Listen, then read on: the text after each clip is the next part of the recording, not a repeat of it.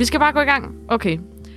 Vi går nogle gange sådan lidt og joker, mig og Thor, om at øh, sådan, hvis det ikke lige går med vores nuværende job, så, så laver vi en kursusvirksomhed sammen. Men jeg ved ikke, hvordan du har det med det, Thor. Sådan, tror, du, tror du, vi ægte ville kunne gøre det? Oha, det ved jeg ikke. Der vil i hvert fald være rigtig, rigtig mange spørgsmål, jeg skulle have svar på, og øh, jeg tror i hvert fald også, at det, det er mere øh, for sjov fra min side, end øh, hvad jeg selv tager det seriøst. Men øh, det er jo ikke umuligt, og det er jo noget af det, vi skal blive klogere på i dag. Vi ser nemlig, at øh, flere og flere medlemmer af HK faktisk vælger at gå freelance øh, og starte deres egen virksomhed. Øh, og det skal vi snakke med to mennesker om i dag. Vi har besøg af Markus Melo, som er freelancer, og så har vi besøg af Christine Ballotti, som er faglig konsulent i HK og bliver kontaktet af rigtig mange freelancer med en masse spørgsmål. Jeg hedder Augusta Palm.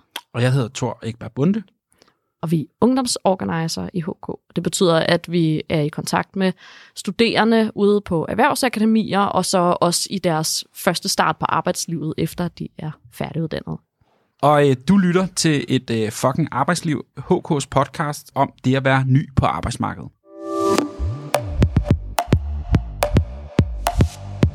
Vi har besøg af Markus Melo, og du er freelancer og er sådan relativt nyuddannet. Hvornår blev du færdig? Øhm, hej, jeg blev færdig her øh, sidste sommer, så det vil sige øh, sommeren 2020, hvor jeg fik min bachelor fra Designskolen her i København. Og hvad skete der så der? Du gik i gang med at søge jobs, eller begyndte du at arbejde freelance lige med det samme? Nej, altså der var helt klart en, en mørk periode. Altså, jeg blev færdig med studiet, og man kommer ud ligesom med, jeg havde været i praktik det sidste semester, som man gør på min uddannelse der og har ligesom føler, at lært en masse ting, har en masse blod på tanden til at komme ud og arbejde, ikke? men så sker der bare ikke så meget lige til at starte med. Altså, og den erfaring ved jeg, at mange af mine venner fra klassen også havde. Altså, så man står ligesom der, føler sig glad for at være færdig med et studie, og man skal ud og indtage verden, og så skete det ligesom bare ikke rigtig noget. Så var på dagpenge, så søgte jeg en masse jobs, hørte ikke så meget tilbage, gik og puslede med mine egne små projekter, eller lavede nogle ting for venner, lidt sådan for sjov, men altså, det, der gik lidt tid, før der rigtig kom, kom gang i sagerne.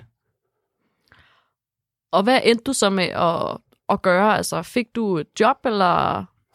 Jamen altså, det, det der ligesom skete, og det som er min situation nu, er, at jeg siden, øh, siden marts her i 2021, så begyndte jeg at arbejde øh, for et deltidsjob hos et kommunikationsbureau her i København, hvor at jeg ligesom er der på halvtid. Øhm, og så startede jeg så eget firma og er freelancer øhm, resten af tiden. Så det vil sige, at det ligesom har lidt et ben i hver verden, så på den måde er jeg heller ikke fuldtidsfreelancer. Men, øhm, men jeg har så mine egne projekter, som jeg kører ind gennem min egen virksomhed, hvor jeg laver øh, design og illustration og branding for alle mulige forskellige ting, som det skulle være. Og lidt på samme tid, som jeg fik det job, begyndte jeg også ligesom at rulle ret meget i freelance der. Så jeg gik ligesom fra at sidde med eksistentiel krise derhjemme og undre mig over, hvad der skulle ske, til lige pludselig at have vildt travlt, der skulle jonglere flere projekter på en gang, hvilket også er en udfordring. Ja, det kender vi nok alle sammen til, det der med, at man så kan blive overbebyrdet, og når man så bare gerne vil i gang. Men øh, hvad mere konkret kunne noget af dit arbejde øh, som freelancer se ud? Jamen, altså jeg kan jo nævne nogle sådan, konkrete projekter, for eksempel. Altså, så jeg arbejder meget med brandidentitet. Så det er ligesom, hvis du har en virksomhed, så at sige, hvordan skal den se ud for at udtrykke, ligesom, hvad der er unikt, hvad der er fedt, hvad der er spændende ved den her virksomhed. Og jeg har arbejdet rigtig meget inden for ligesom, musikverdenen, for det synes jeg er virkelig spændende, så jeg er i gang med at lave en identitet for et spillested i Barcelona, der hedder Forbrændingen, hvor jeg ligesom skal hjælpe dem med at sige, hvordan ligesom, får vi det her til at se mere ud, så det afspejler vores værdier og afspejler den følelse, det er at være til koncert her.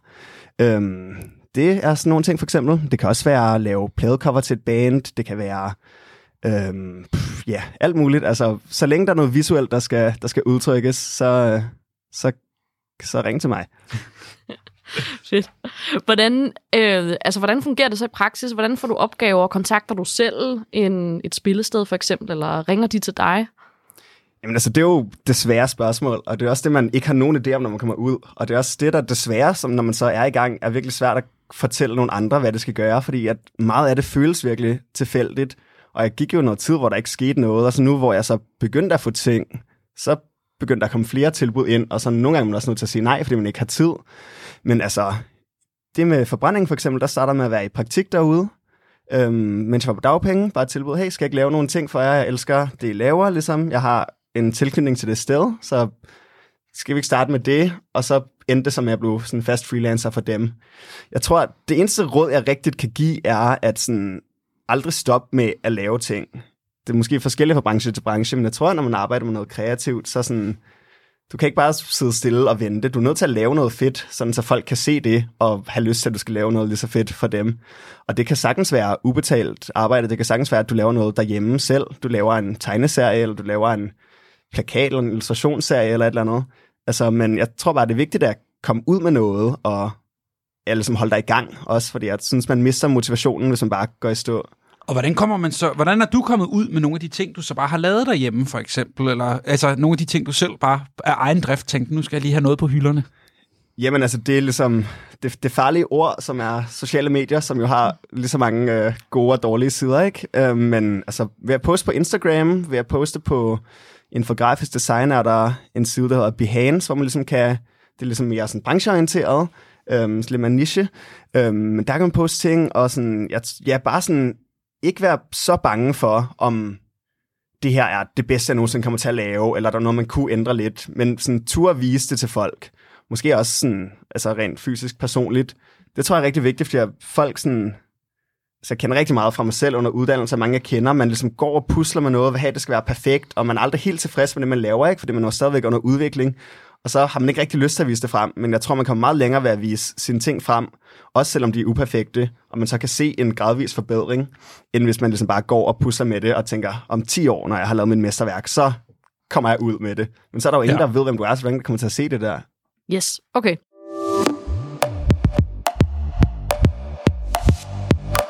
Vi skal også sige hej til vores anden gæst i studiet, som er Christine Balotti. Velkommen til. Tak for det.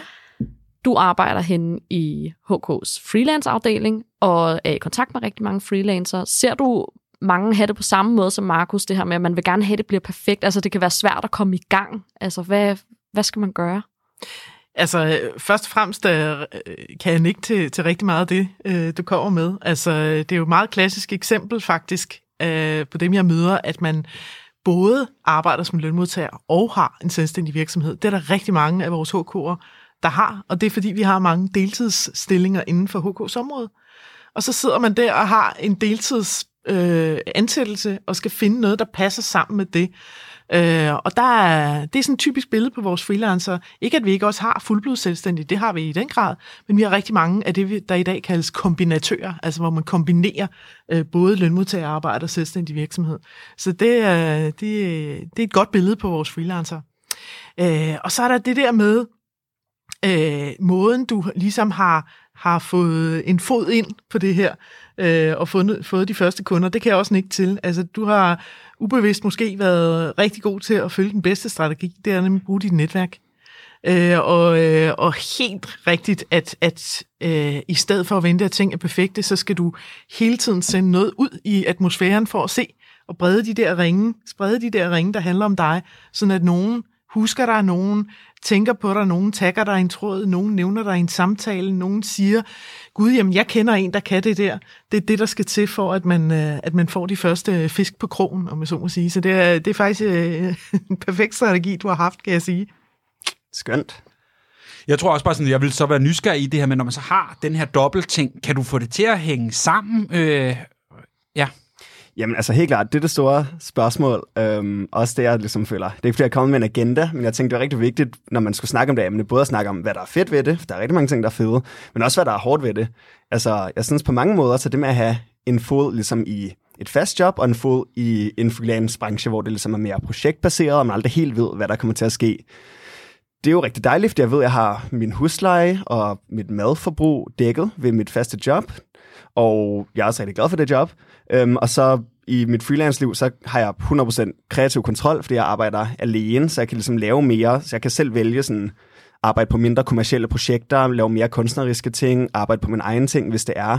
Så det er ligesom det fede, at ligesom både få erfaringen ved at arbejde et sted fast, samtidig med at lære at være selvstændig og skulle lave det hele selv. Øhm, det hårde er så, at du jeg tror også ofte, når man er freelancer, og når man er selvstændig, og når man arbejder med noget kreativt og brænder for det, man laver, så er det også meget svært at sige stop, og meget svært at give sig selv den plads, man har brug for til at være et velfungerende menneske samtidig. Så det med at have to deltidsjobs kan godt hurtigt blive til at have to fuldtidsjobs, hvor jeg ligesom i hvert fald har følt i perioder, at jeg ligesom ja, havde to fuldtidsjobs, og var meget sent oppe hver aften for at hele tiden løbe efter at nå den ene deadline eller den anden. Og det tror jeg ikke er holdbart i længden.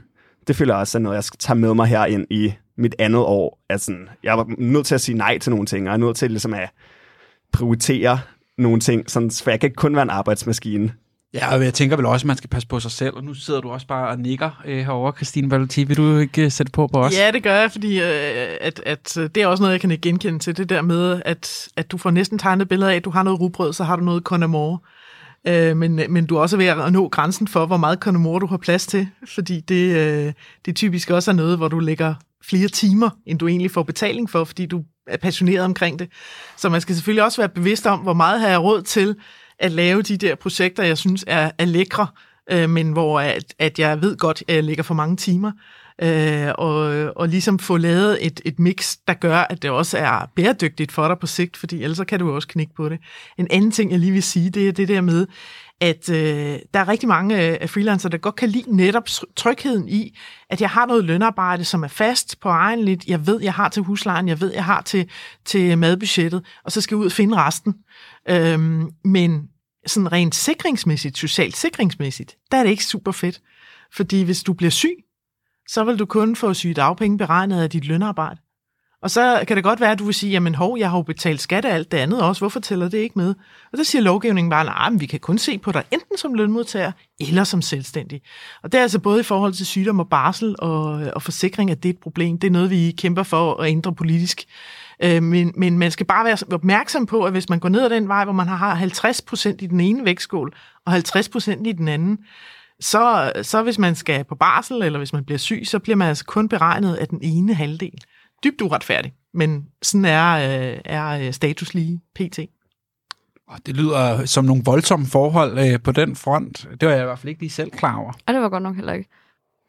Er du øh, bevidst om det her, Markus? Øhm, nej, ikke rigtigt. Øhm, nej, jeg vil også sige, altså jeg har heller ikke sat mig så meget ind i, øh, hvordan det hele fungerer. Jeg, jeg tager det lidt på gefylden, så er det jo godt at have nogen, man kan ringe til eller sådan, ikke? Men øh, jeg har ikke noget at bekymre mig så meget endnu, men jeg er sikker på, at der er meget, jeg kunne lære at bekymre mig om, hvis jeg satte mig ind i det.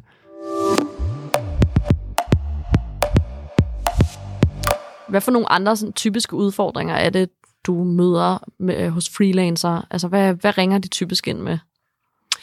Øh, jeg tror, det er to forskellige ting, faktisk. Fordi tit ringer de ind om noget andet, end det, de faktisk burde ringe ind om, kan man sige. Øh, det, det, der er deres største udfordring, øh, det er helt klart salgsarbejdet. Det er det at, at prissætte sig selv. Det er det at få taget nok for de arbejdstimer, man lægger, til at man rent faktisk så også har noget at leve af, fordi de ofte ikke er, er helt bevidst om, at når ja, den pris, jeg siger nu, den skal jo også lige dække, at jeg nogle gange bliver syg, øh, og nogle gange skal jeg på ferie. Jeg skal også nogle gange blive klogere på efteruddannelse. Jeg skal også huske at have noget lagt til side, til når der pludselig er et hul i kalenderen, som, hvor jeg ikke har nogen opgaver, eller hvor jeg skal udvikle den der udviklingstid, og der er ingen, der vil betale for, så det skal lægges ind i din timepris og dine projekter.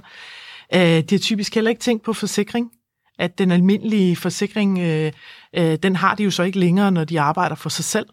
Øhm, og, øh, og så har de ofte heller ikke helt styr på det der med, at man må jo godt søge jobs uopfordret og sende noget til en, til en virksomhed, men når du henvender dig som selvstændig eller som freelancer, så er det faktisk ulovligt bare at sende en mail og sige, hey, øh, jeg kan noget fedt, skal I ikke bruge mig? Øh, for det er imod lov om, om markedsføring, så man skal ringe først og have lov til at sende en, en mail øh, oh. digitalt øh, til virksomheder. Har du prøvet at sidde med nogle af de her udfordringer, Markus, med at måske være lidt i tvivl om, hvor meget er man værd? Altså, når man søger et job, så er der jo en løn, og så kan man selvfølgelig godt forhandle den, men når man er freelancer, skal man måske lidt mere selv finde på, hvad ens løn er.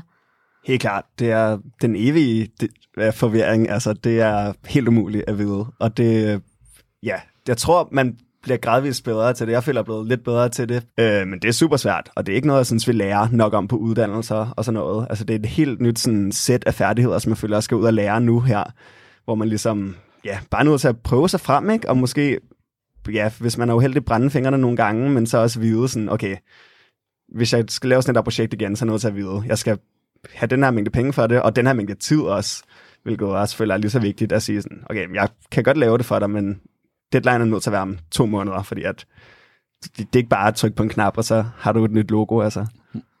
Nej, det giver jo meget god mening. Hvad med øh, Balotti her. Hvad, øh, hvad hjælper vi med her fra HK's side omkring prissætning og andet? Altså vi har, øh, jeg holder jævnligt sådan nogle øh, webinarer om prissætning øh, for freelancer, og så har vi også nogle øh, beregnere inde på vores hjemmeside, som man kan gå ind og lege med. Altså sådan et, et stort grimt Excel-ark med hvide felter, hvor du kan se en, en udregning af en freelancers pris, og så kan du hælde dine egne tal ned i det. Så det, det kan være noget at lege med. Mm.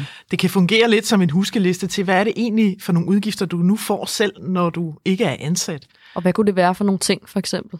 Jamen det er jo de ting, nogle af de ting, jeg nævnte før, altså at, at man øh, skal have feriepenge og feriefridage og fritvalg og pension og efteruddannelse og løn under sygdom og barsel.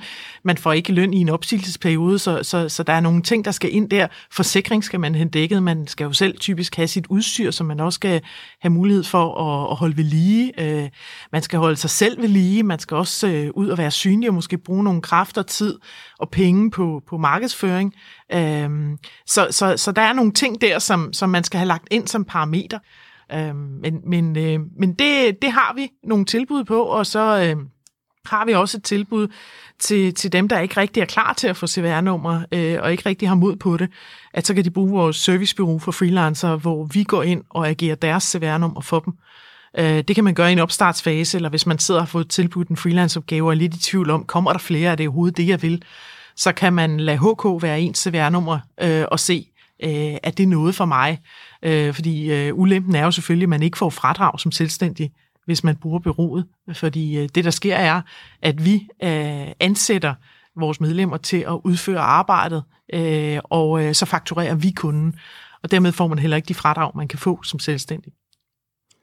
Nej, men i hvert fald noget af det, jeg, når jeg har talt med nogle af de for eksempel nyuddannede fra visuel kommunikation på øh, DMJX, så er det i hvert fald også noget af det, de siger om, at det kunne være en fed ting i forhold til, hvis det bare lige er en opstartsperiode, inden de finder ud af, skal man starte noget selv eller andet, så er det i hvert fald en rigtig fin mulighed, hvor der så er en masse af bekymringer, i hvert fald de snakkede om sådan, jeg ved ikke, hvordan man indberegner moms, eller indberetter det, øh, så det er fedt, at det kan blive gjort for mig, for eksempel. Ikke?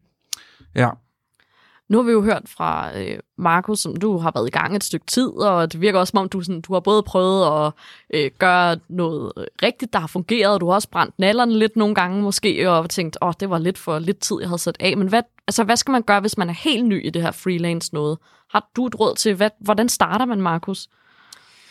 Jamen, altså, jeg tror, man skal, man skal starte med det, der er, hvis man kan sige det sådan. Altså, i stedet, jeg tror, i stedet for sådan jagte et eller andet sådan pff, utopisk, man gerne vil nå, så sådan start med det, der er i nærheden af dig. Hvis din mor har brug for et nyt logo til sin bager, nu tænker jeg alt i forhold til grafisk design ting. Jeg ved godt, man Det kan i med andre ting. Men så start der, altså ligesom, ja, det, det vil jeg sige. Jeg ved ikke, om det er det rigtige råd. Øhm, og så føler jeg, at det hele har været lidt lettere, end jeg frygtede, når jeg først var ude i det. Fordi det kan godt virke som en intimiderende verden, altså. Men ja, Så lidt at kaste sig ud i det, og så lærer man øh, noget undervejs. helt klart. Og så er det jo godt at have nogle ting, man kan støtte sig til, som sin fagforening, eller hvis man folk fra sin uddannelse, der sikkert har prøvet det samme og sådan. Altså jeg har også skrevet til folk sådan, hey, hvad vil du tage for det her, eller hvad vil du gøre i min situation? Så heller ikke være bange for at spørge om hjælp. Selvom man er selvstændig, behøver man ikke være helt alene i det. Ja, jeg sidder og klapper i mine små hænder, for det er også noget... Du siger jo alt det, jeg gerne vil sige. Men, men øh, hvor kunne man starte? Man kunne starte med at tage øh, freelance intro, som jeg holder cirka hver 6. uge, som er sådan en øh, to timers webinar øh, for at undgå de værste begynderfejl. Det kunne være sådan en indflyvning til det. Øh, noget af det, som jeg bider mærke i, som, som du måske ikke øh, sådan er bevidst om, men det handler rigtig meget om at være tydelig om, hvad er det, du kan hjælpe virksomheder med? Hvad er det, du kan gøre for andre? Hvorfor er det godt? Øh, jo mere tydelig du er omkring det, fordi det at, at, at sige, at jeg er grafisk designer, siger ikke nødvendigvis nogen noget om, hvad er det, du kan. Hvad er det, du kan? Hvad er det, det kan gøre gode ting for mig som virksomhed? Så jo tydeligere du kan være omkring det, også over for hele dit netværk, så der også er Moster Oda, der kan sige, Nå ja, men det er det, som, øh, som, som, som jeg kender en, der kan hjælpe dig med. Så, så vær tydelig og gør det meget nemt at, at hyre dig ind øh, til at løse et behov. Jo mere tydelig man kan være om, hvordan man kan løse behov, og hvilke behov man kan løse, jo bedre. Øh, det er det, der skaffer dig opgaverne. Ja, så snakker du også bare om det der med at starte noget nært, ikke? Altså sådan, hvad er der et problemstilling, eller en opgave, man kan løse tæt på en? Øh, som jeg da i hvert fald selv synes, der er sjovt. Det er da også derfor, jeg tror, Maja Augusta øh, har snakket om en kursusvirksomhed. Vi underviser en masse, og så har vi tænkt, det er tæt på os. Hvis det skulle, skulle være, så var det i den dur. Ja, kan man godt, altså, jeg sidder og tænker, kan man godt komme til at opfalde lidt i, at man laver lidt meget gratis arbejde måske? Altså jeg tænker, hvis nu, nu er jeg selv virkelig, virkelig dårlig til at tegne, men jeg kunne godt forestille mig, at hvis nu jeg var god til det, at så er det sådan, så spørger ens venner lige, ej, kan du ikke hjælpe mig med, vi har lige et lille startup-projekt, og jamen, så spørger ens moster også lige, jamen, jeg har faktisk også lige en bager, der skal bruge et nyt logo. Altså hvordan undgår man ligesom, at man bare bliver den gratis ven, eller hvad man kan sige? Ja, altså der vejen til til helvede er jo brulagt med det der gratis arbejde. Der er, der er ikke nogen bund i det. Øh, og det, man skal være så meget bevidst, det er, du skal aldrig arbejde gratis for nogen, du drømmer om, bliver din betalende kunde. Fordi dem, der har fået dig gratis eller next to nothing, de kommer ikke til at betale en pris, du kan leve af lige om lidt. Det er det, vi kender den dynamik også som ansat. Man skal skifte job for at hoppe i løn. Det samme med, med en freelance. Hvis du har lagt dig rigtig lavt med en kunde, så er det svært at hoppe. Øh, så kan du hoppe med den næste kunde. Men, men, øh, men være meget bevidst om, at, at hvis det her det er virkelig nogen, jeg drømmer om, øh, også skal være der på sigt for mig, så læg dig rigtigt fra starten. Markus, har du også nogle kommentarer til det? Ja, altså for det første så 100% kender jeg det der med, at alle vil have, at man lige skal lave noget, og folk har jo heller ikke rigtig nogen idé om, hvor meget arbejde det, det kan være, eller sådan. Så folk er sådan, jeg skal, kan du ikke, vil du ikke lige lave et pladecover til mit band, eller vil du ikke lige lave et logo til det her, eller det her. Øh, og selvfølgelig gør du det bare gratis, fordi vi er venner, eller jeg er din far, eller et eller andet. Øhm, og det vil man jo også gerne noget af tiden. Altså sådan, man bliver jo glad for, at nogen spørger en, og man har lyst til at gøre noget. Men altså, ja, og jeg tror også, mange har en tendens til, til at starte med at sige ja til for meget. Altså både under uddannelse og måske også efter, fordi man ligesom bliver flatteret over, at nogen har lyst til at få en til at gøre noget. Øhm, så altså generelt vil jeg sige, altså hvis man skal lave noget gratis, det må man godt, så skal det være noget, du selv har virkelig lyst til at lave. Altså, hvis du gør noget gratis, skal det være, fordi det er dit passionsprojekt, og ikke nogen andres.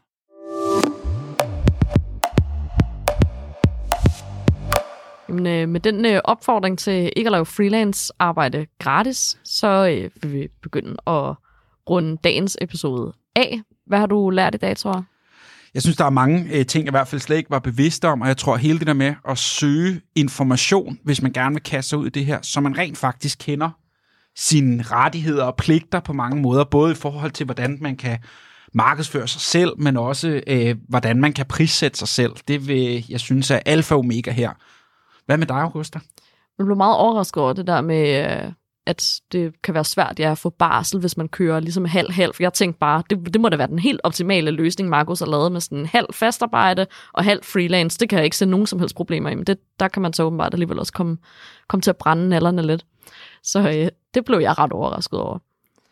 Man kan jo sige det der med, at øh, det der i hvert fald, øh, synes jeg er spændende ved sådan noget her, det er jo øh, kunne være herre i eget hus på en eller anden måde, også øh, i ens arbejdsliv. Så øh, hvis man går og har... Øh, en freelancer i maven øh, derude, altså, så er det jo bare at kaste sig ud i det, som man også kan høre, man lærer rigtig mange ting undervejs.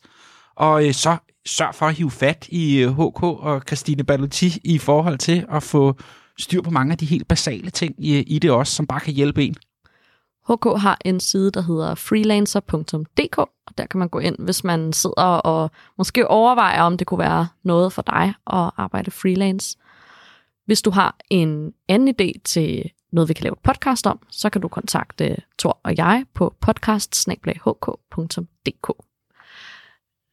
Tak for, at I kom, Christine Ballotti og Markus Melo. Jeg hedder Augusta Palm. Og jeg hedder Tor Ekberg Bunde. Du har lyttet til HK Privats podcast Et fucking arbejdsliv. I redaktionen er Bille Stærl og Annette Claudi.